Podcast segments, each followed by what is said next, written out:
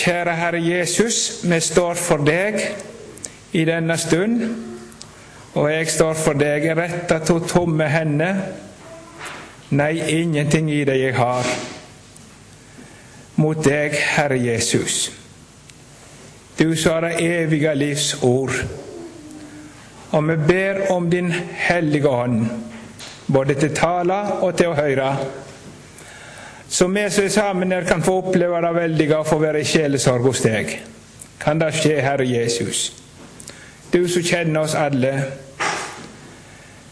Nå har du sagt sjøl at dine får høre din røst. Jesus, la oss få høre nå. Amen.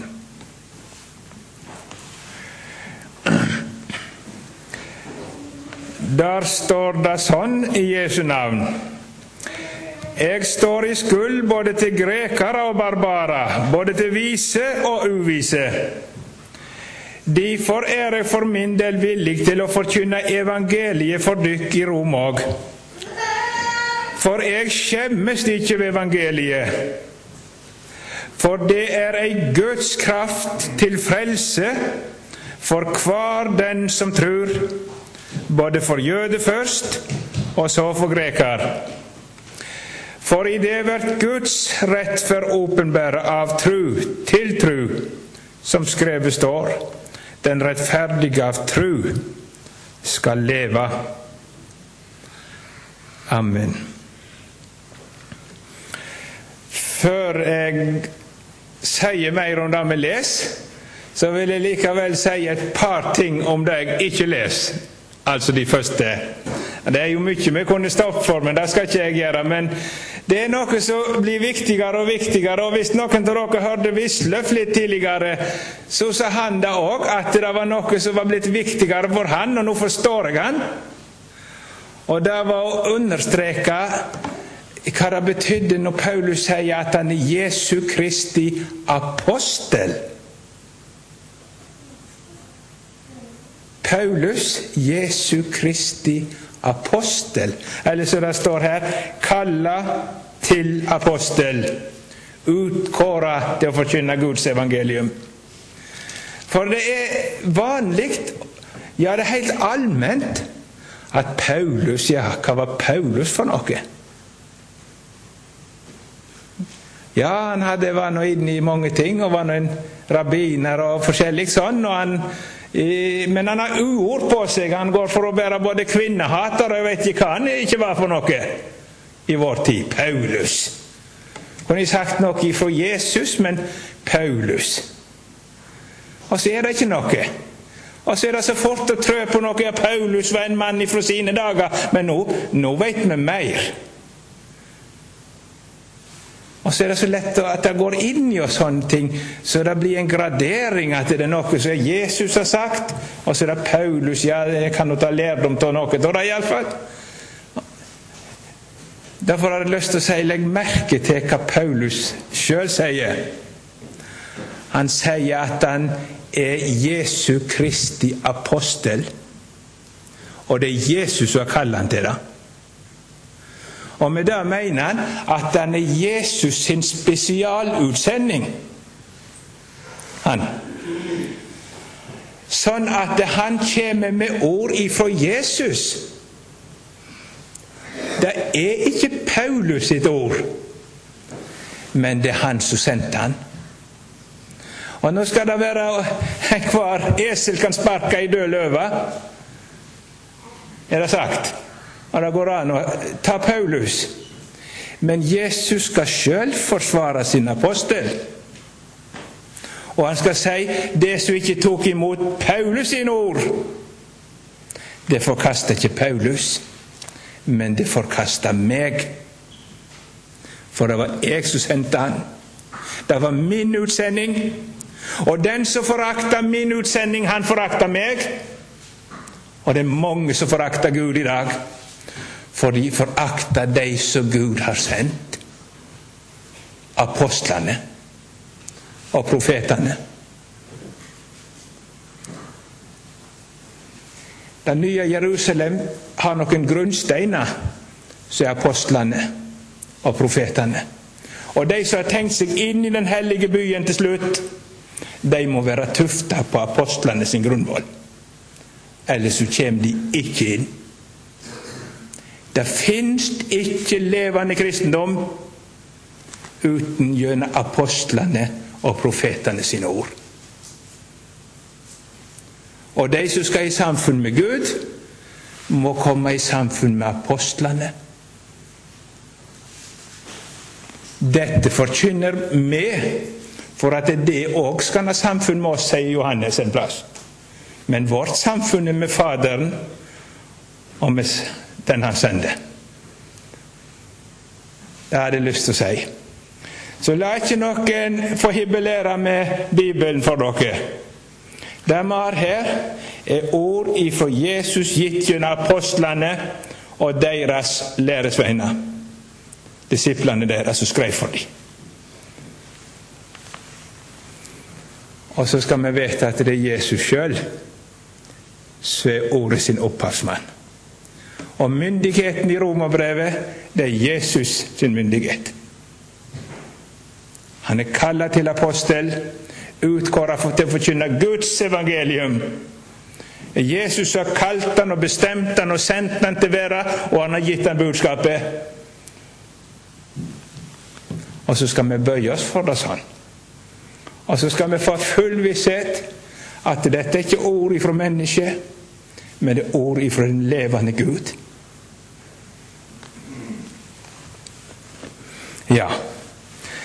Ja, det lyst til å si. Og så var det én ting til. Han understreker mye i disse versene på forhånd. Og det er det som har med det hellige samfunnet eh, kunne òg snakket om bønnelivet til Paulus. Det er noe ufattelig å lese hvordan han kom det i hug alle plasser rundt om. Kunne ikke tro han gjorde annet enn å ba. De lå der på hjertet hans. Det er en som Jesus har fått tak i. Men, eh, men det var noe annet. Apostelen lengta sånn etter de kristne. Det er et hellig samfunn på jord. Og jeg skulle ønske alle her inne fikk smaken på det hellige samfunn. Den flokken som kjenner hemmeligheten på jord. Jeg finner du ikke hvor som helst. Men det er noen som har sett hemmeligheten. Det største, det beste. Og de hører sammen her på jord. Og de skal være søsken i all evighet hjemme hos Jesus. Og Derfor syns jeg det er noe voldsomt fint å lese hvor han lengter etter å få være sammen og dele dette store. Og Derfor tror jeg det er noe av det skal være oppmerksom på. Satan er ikke helt uvirksom i våre dager, det vet du vel. Og én ting han prøver, er å jage de troende ifra hverandre. Splitte opp akkurat som han prøver med heimen i det borgerlige liv. Så prøver han med heimen i det åndelige liv. jager de kristne ifra hverandre så de ikke lenger har samfunn. De kan ha arbeidsfellesskap, kan de ha, men ikke samfunn. Det er så sjelden en får noen å dele hemmeligheten med. Altså, bruk for det. Jeg har sett noe på denne jord så jeg må få lov å dele med noen. Så òg har sett det. Så vi kan styrkes ved å se det igjen. Tenker jeg skulle kjenne noe av det. Kunne du òg ha det sånn lengt etter? Kunne vi fordele det sammen? Ja, ja. Nå skal ikke jeg snakke meg vekk fra teksten, det var ikke meningen, men jeg hadde lyst til å ta fram de to tingene fra innledningsversene. Og så kommer han til det som gjerne blir kalt romerbrevet sitt tema. Og Det er jo voldsomt å se at han, han kjenner seg så skuld, står i skuld til alle mennesker, apostelen. Eh, han har fått tilgitt sin skyld, så han er ikke lenger skyldig til fortapelsen. Men da fikk han overdratt nøkkelen, som er den eneste som kan stenge helvete og åpne himmelen. Den har han fått. Det er ikke rart han er Han har det eneste som kan stenge helvete og åpne himmelen. Og de andre folk sitt evige ve og vel avhengig, så å si, at han bruker den nøkkelen. Alle! Han står i skuld til både jøde og greker. Men det som jeg hadde lyst mest å snakke om, det var eh, når jeg til vers 16 Jeg skjemmes ikke ved evangeliet. Det er, det er ikke det store i dag med evangeliet. Du skal lete, bla opp og bla ned og på Internett og hvor du vil. Det er ikke evangeliet som er det store. Kunne du komme med noe som kunne gjøre folk så de levde lenger, så har du fått oppslag. Eller hvordan de kunne bli slankere enn før. Enn når noen gjerne hadde trånga inn veien. Eller kunne du fått hvordan de skulle bli rike eller betale mindre i skatt. Og hvordan de kunne få lykkelige. Men evangeliet, hva er vel det?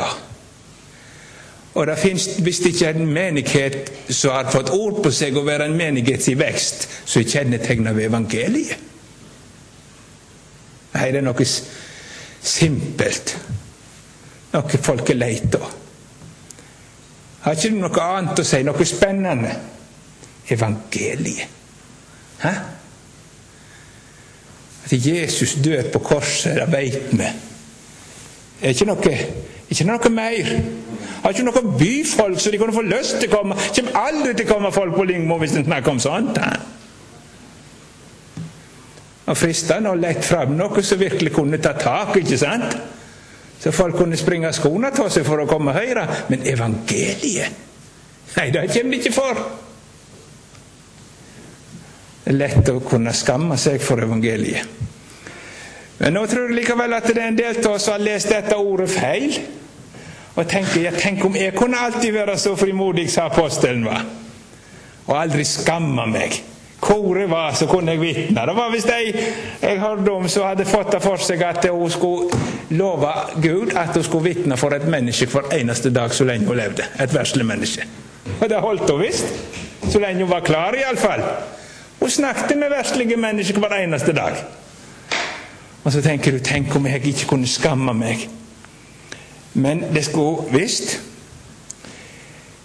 Det er ikke sånn i mitt liv. Jeg er ikke så frimodig. Og ikke lever jeg alltid sånn at jeg bør være så frimodig heller. Når en begynner å gå på klingen hvordan livet egentlig er, så kan det være en avstand mellom det du tenkte du skulle bli, og det du er. Det har vært så lite av det. Og så tenker du jeg skammer meg visst ved evangeliet. Nå har jeg lyst til å si en ting. Han som står her, jeg Jeg har god grunn til å skamme meg over meg sjøl. Trenger ikke gå lenger enn denne summeren. Det er ikke alt jeg har vært med på som en kristen skulle. Det er ikke alt jeg har sagt som har vært rent. Ikke alltid jeg har vært snill.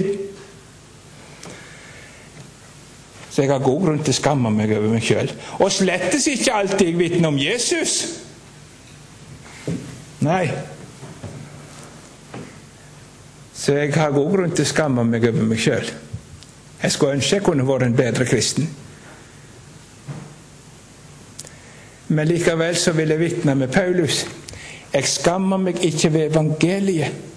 Jeg skammer meg over meg sjøl. Men jeg skammer meg ikke over evangeliet. For jeg har funnet et ord som kan hjelpe sånne som meg ikke til få det til på jorda. Men det teller heller ikke så mye. Du må ikke tro det teller så mye, da. Jeg blir så forgapt i det som skjer her, at vi glemmer alt. Ei lita stund så er du i evigheten. Og da spørs det hvem som kan hjelpe deg. Når livskvelden kommer og solen går ned, og evighetsklokkene ringer. Når du skal inn til ukjent land jeg går, og jeg for din domstol står. Det skal snart stå for Gud i evigheten. Og Da kan de komme, disse kloke folkene som hadde så mye de kunne. Kan ikke hjelpe. Da er det bare én ting som kan kunne hjelpe deg, og det er evangeliet. Det kan nemlig noe som ingenting annet kan. Det er Guds kraft som virker frelse frelse. Fullkommen utfrielse fra synden og alle dens følge. Det er ingenting annet som kan i denne verden. Det er ikke så farlig så lenge et menneske har tro på seg sjøl og tror en kan klare alt mulig i sånne ting. Men har en levd lite grann med Gud og i tillegg vært gift Det er nyttig, sier, sier Bo Gjers. Han sier det er nyttig for troen å gifte seg. Og kan det være hardt nok for noen som ikke er gift, og de syns det var paradis som de kunne blitt det? Og så andre. Men det er nå så. Det er nærmeste paradiset du kommer på jord, sier Luther, et godt kristent ekteskap. Men likevel så sier altså Bo Gjerstad at det er nyttig for troen. Fordi at når du er alene og har en dårlig dag, da kan du bare gå for deg sjøl, og så merker du ikke noe mer. Kan du bare trekke deg unna. Men når du må leve med andre mennesker, da må du stille om du er godt humør eller dårlig humør. Og hvis du har lite grann sannhetserkjennelse da, så går det ikke så lenge før slutter, du slutter å tro at du er en helgen. Det er så mye som stikker. Og til og med de som er mest glad i hverandre, så butter de imot, så de kan både få det ene og det andre fram hos hverandre. Og da tenker du kanskje ikke så lett at du er helgen. Og da kan du ikke bare gå for deg sjøl. Og da må du bære midt i livet. Og sånn bor Gjerds til det iallfall. Jeg skal ikke skylde han for mer enn han har sagt. Ja da, så det er noen erfaringer sånn òg, men det behøver ikke gifte seg for å møte det heller. Har en med Gud å gjøre, så er det et problem. Jeg er ikke god. Jeg er ikke god. Jeg er meg sjøl et problem.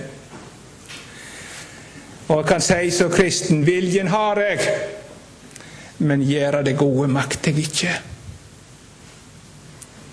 Viljen har jeg, men gjøre det gode makter jeg ikke. Å, du år så godt, gjøre det gode makter jeg ikke. Jeg ville så gjerne at Jesus skulle eie livet mitt helt. Men hvor ble det? Hvor ble det? så blir det ikke så enkelt å tenke på at det skal fram i lyset med livet en dag. Ja, ja, det lukker meg mye at jeg får leve i lyset, det skal jeg si dere, men det kommer av en annen ting. Det er ikke så selvsagt da at det vil gå godt når jeg skal fram for Gud, som veit alt om meg. Kjenner meg til bunnen. Og hva er det som kunne hjelpe meg? oppskrift på hvordan jeg skulle bli et helligere menneske? Hæ? Nei. Det er bare én en, eneste ting som kunne hjelpe meg. Og det er et budskap. Det er et gledelig budskap. Det er noe ufattelig som har hendt.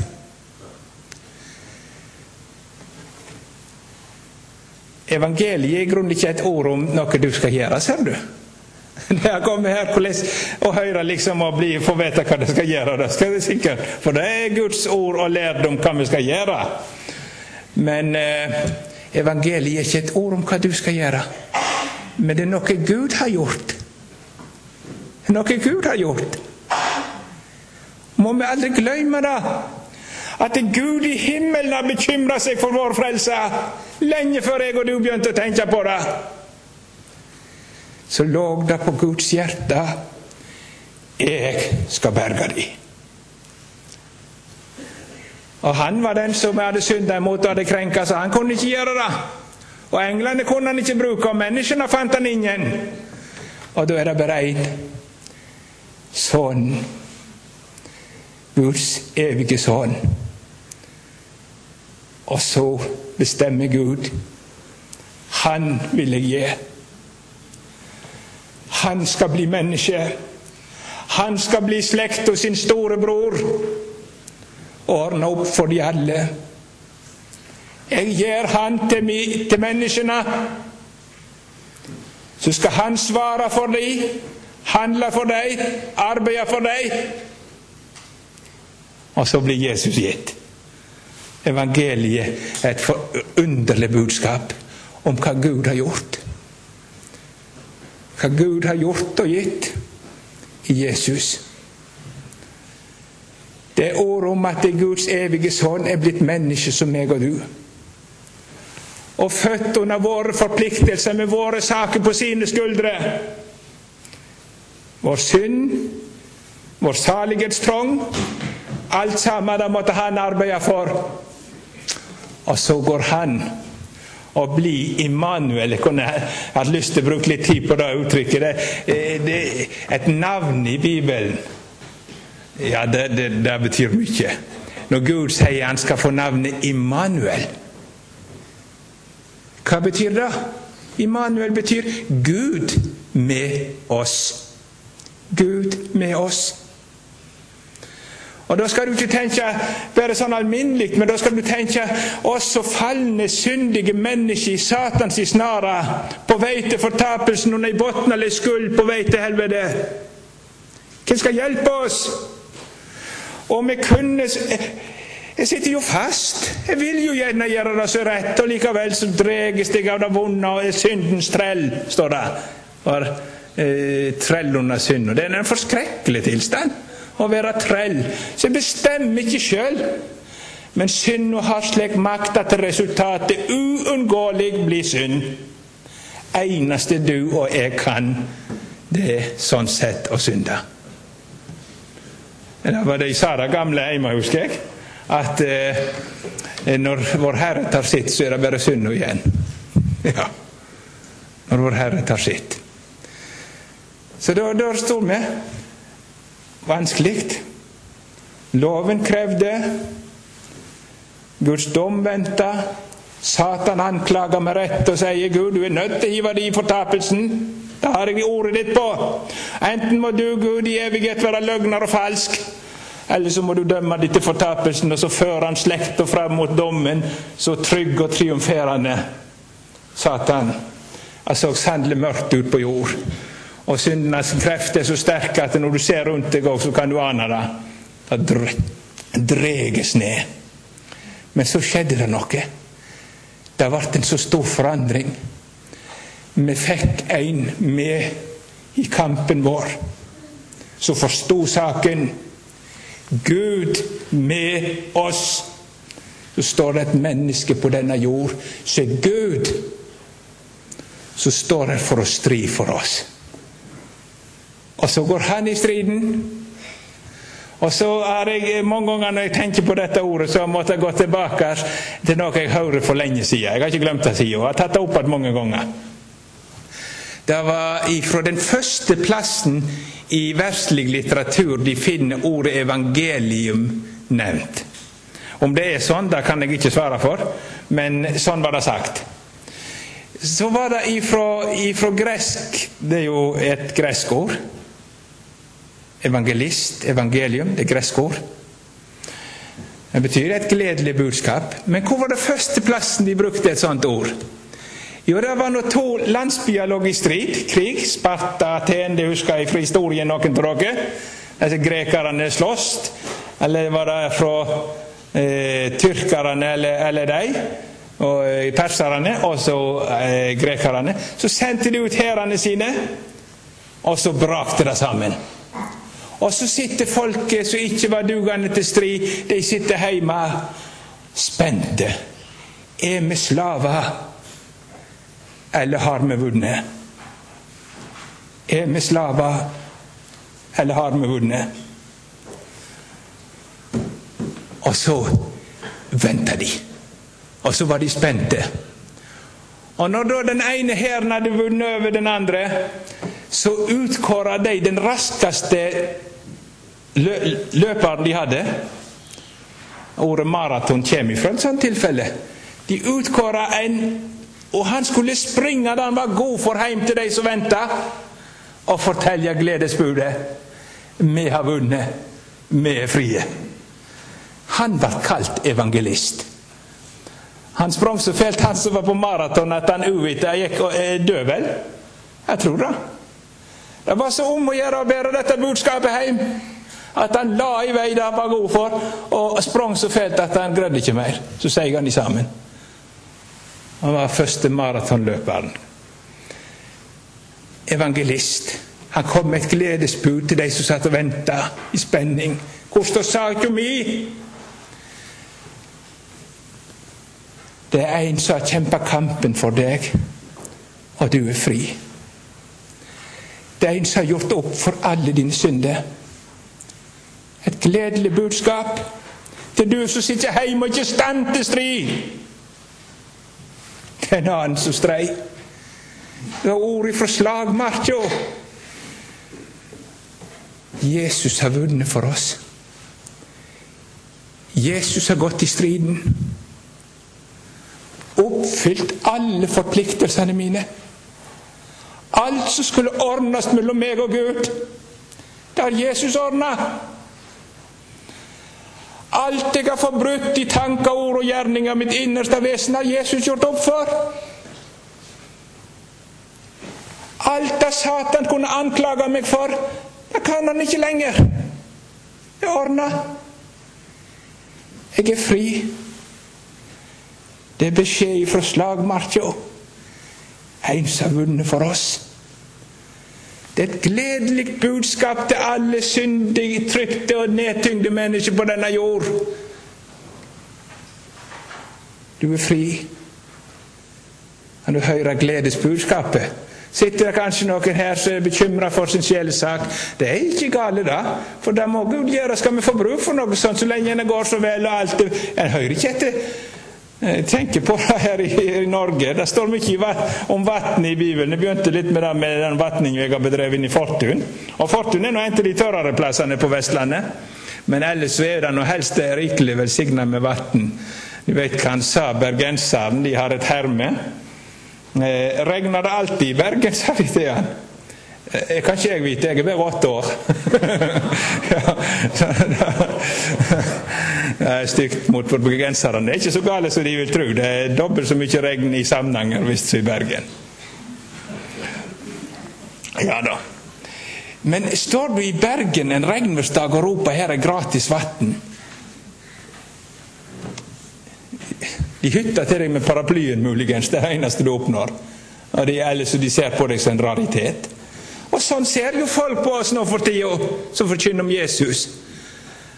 Eneste grunnen til at vi får holde på, nær sagt, er at det er jo plass for museum. Ikke sant?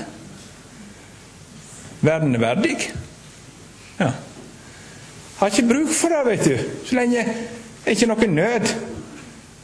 Og Derfor må Gud føre oss inn i den nød at jeg begynner å spørre er det håp for meg hos Gud?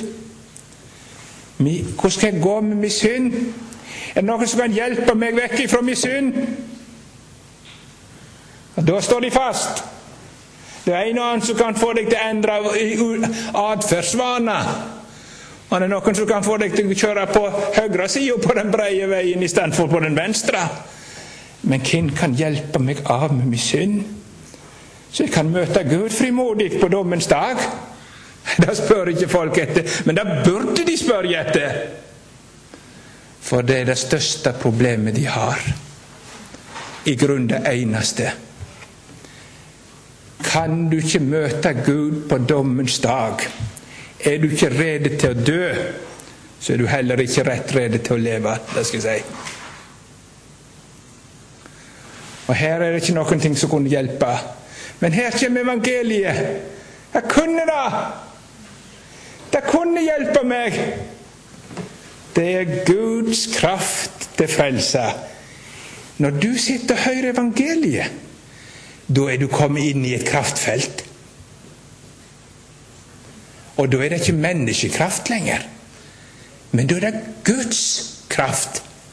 Ja, det har hørt om magneter, det som er her. Har sittet og gjerne. Har jo prøvd på forskjellig. Men mellom magneten og, og jernet, der er det et kraftfelt. Så jeg kommer ned nok, så fyker jernet opp i magneten. Det er mange, mange ting som jeg har magnet på. Og slik er det. Alle verdens veier kan menneskekraft være, men det duger bare ikke her. Men det er en eneste plass Guds kraft virker frelse.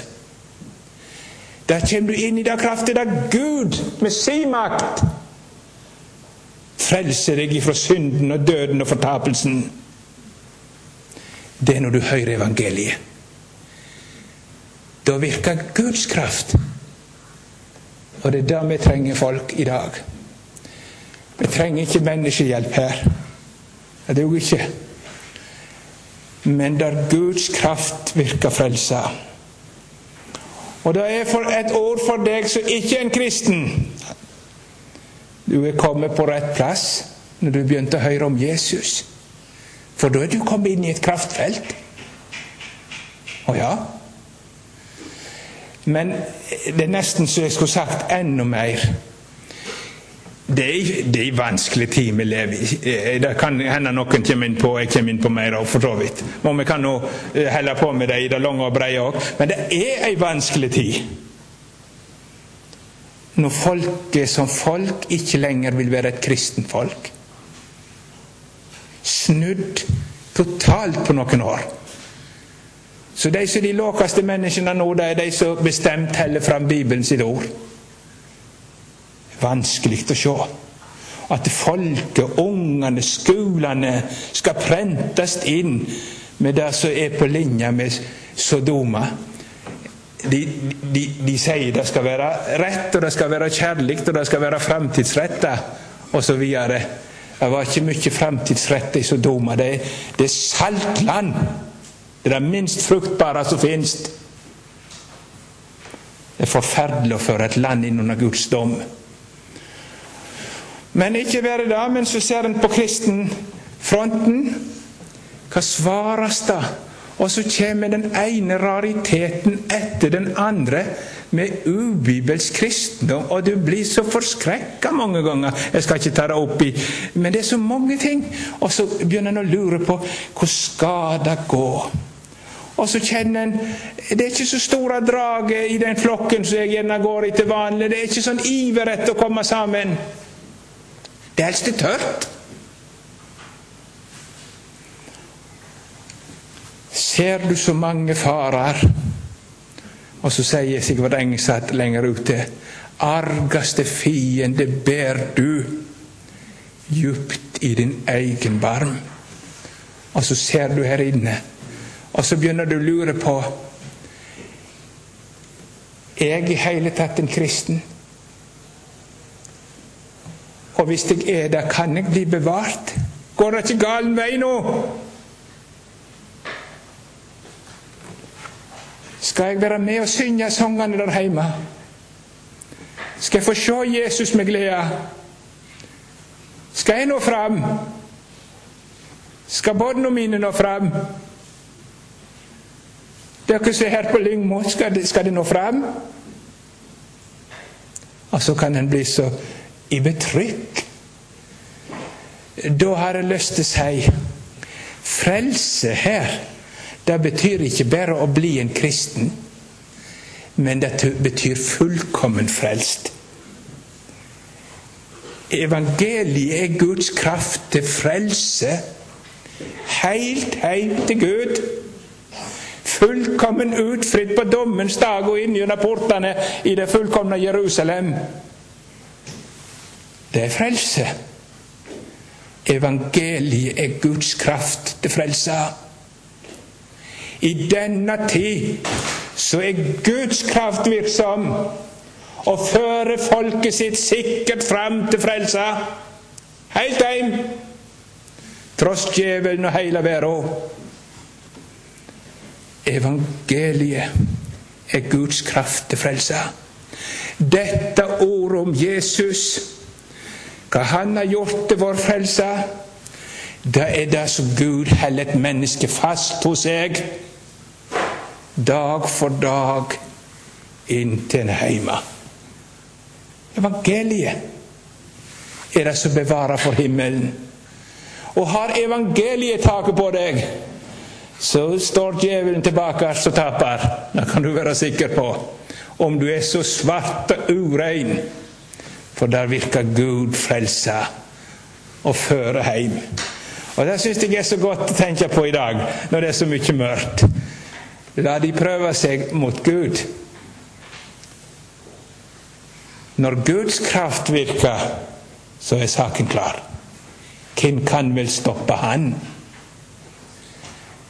Ja, det er vi klar over. Her trenger Guds kraft. Men hvor er Guds kraft henne? Og så roper folk i øst og vest 'Kom her, så skal du oppleve Guds kraft'. Hvor er Guds kraft? I det enkle ordet om Jesus. Der er Guds kraft. Om Jesus som ble menneske, og så døde for syndene våre på Golgata kors. Ble gravlagt og sto opp igjen den tredje dagen og for opp til himmelen. Ord om Jesus. Der virker Guds kraft. Derfor skammer jeg ikke meg med det. Det er ingen andre budskap i verden, hvor storslått og voldsomt det høres ut, som kan utrette det. Men evangeliet kan. Og evangeliet kan, det har jeg erfart i livet. Det ikke jeg kunne, og det ikke jeg greier, og greier det ikke den dag i dag, da greier evangeliet. Heller meg opp hos Jesus som tilgitt synder på vei hjem til Gud. Og hvor godt det er å få høre det. Og Det var det jeg ønsket vi skulle få oppleve på disse dagene. At vi virkelig skulle få høre, sånn at vi fikk oppleve i livet dette er Guds kraft til frelse. Nå skulle jeg jo selvsagt gått på 17. vers òg, og det skal jeg ikke gjøre mye av i dag. Men hvis du har forstått meg nå, så vil du si òg dette budskapet skammer jeg meg ikke ved. Det er dette budskapet jeg trenger. Det er ham, min sjel, du må ene ene lite på. Også ham du fast må holde inntil hendene blir kolde. Men så var det denne hemmeligheten med evangeliet, altså. I det blir Guds rettferdighet åpenbæra av tru. Guds rettferdighet. Det var et ord som Luther i sin tid hata. Han var redd av ordet. Og han hata at det stod at det ble åpenbart i evangeliet. For da ble han redd. Det ordet eh, Guds rettferdighet, da gjorde han rett. For hva sa Guds rettferdighet? Luther passer ikke inn. Ut med han. Han har ikke holdt mitt ord. Han har ikke vært som skulle. Og så var han redd. For ordet Guds rettferdighet truer han med helvete. Ja. Det var et år som trua han. Det var et år som krevde noe han ikke hadde. Og så var det ikke noe at Gud gjorde i loven, altså, men i evangeliet blir Guds rettferdighet åpenbar. Ja, men ordet Guds rettferdighet, da var han redd. Og da så han på den rettferdigheten som han trong på dommens dag, og som han ikke hadde. Han var ikke sånn. Han var ikke sånn. Men så veit jeg hva som skjedde. Det snudde så forunderlig når Guds ånd åpna det for han. Så han fikk se at Guds rettferdighet det er ikke noe Gud krever, men det er noe han gir. Den rettferdigheten du trenger for Gud, det er noe Gud gir i evangeliet. Det du trenger for å gå rein inn gjennom portene på dommens dag, det er ferdig. Og nå vil Gud vise deg det i evangeliet, åpenbære så du ser.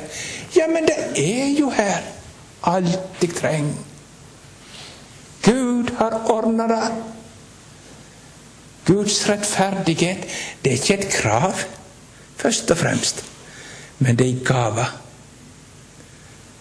Alle de fattige som ikke veit hvor de skal berge dere, Gud har sjøl ordna det.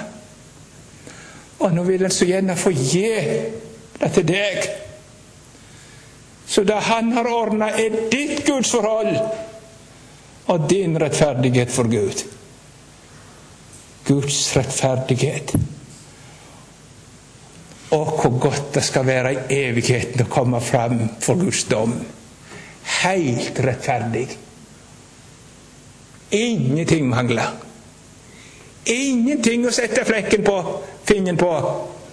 Ikke noe mangel. Du kan gå med frimodighet. Og så vet du alt dette jeg nå går i, det har jeg fått. Gud ga meg det. Et fullkomment ordna gudsforhold. Ei gave. Og så får jeg tro på det som om jeg hadde gjort det sjøl. Leve på det og dø på det. I evangeliet blir Guds rettferdighet åpenbara. De skulle bare visst folka som gjort. Gud har vært på jord og ordna et mesterverk som nok til å få alle inn gjennom den strengeste dom og inn i himmelen. Men det er skjult for de fleste. Det er skjult for alle inntil Gud åpenbarer det. Han drar dekket vekk og så ser et menneske Det var det som skjedde med en nedi, nedi på Sørlandet. Han reiste seg opp midt under talen og så sier han, 'Nå ser jeg det'. Hva var det du ser, Ola? Han var til med ordfører i bygda, var det sagt. Jeg ser at det er det som jeg har streva med i 14 år, det har Jesus ordna. Streva med å skulle ordne opp i sitt gudsforhold. Og så visste han ikke. Det er gjort! Det er ferdig! Og så dro Gud dekket til og så sier han Å, er det sånn det er? Og jeg som trodde jeg måtte Han måtte lide, kjempe og stride. Han måtte stå mot helvetes hær. Nå er vi frie. Hør og jakt. Synden på verdens frelser er lagt. Tenk om det kunne bli sånne stunder nå åpenbaring, der evangeliet fikk åpenbare Guds rettferdighet, så du gikk ut at du kunne si 'Å, hvor rik jeg er'. 'Å, hvor rein jeg er'. Jeg har Jesus. Jeg får Gud kjær gjennom Jesus. Jeg har sett mesterverket. Det som ingen andre i denne verden kunne, det kunne evangeliet føre meg like inn i Guds armer, rein og fin som himmelen. Så jeg òg tror jeg skal få komme hjem. Hvor gale det enn er. For jeg har sett mesterverket. Hva Jesus har gjort for Øyvind. Da blir det så lite att og synd og alt. Jesus har ordna det. Du store Gud. Ja, ja, jeg skal slutte. Jeg tar det på hjertet så langt. Kjære Herre Jesus, vi takker deg for du ville bli vår. Jesus, det er mer enn meget at jeg deg gave fikk. Ta mitt hjerte som ditt eget, sett i den rette skikk. Jesus, vi ber deg om at evangeliet må få åpenbære mesterverket.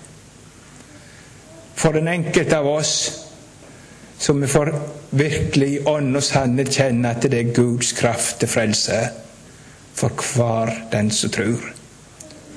Om han ellers er ganske svart. Jesus, vi takker deg for ordet. Helg oss i sannheten. Ditt ord er sannhet. Amen.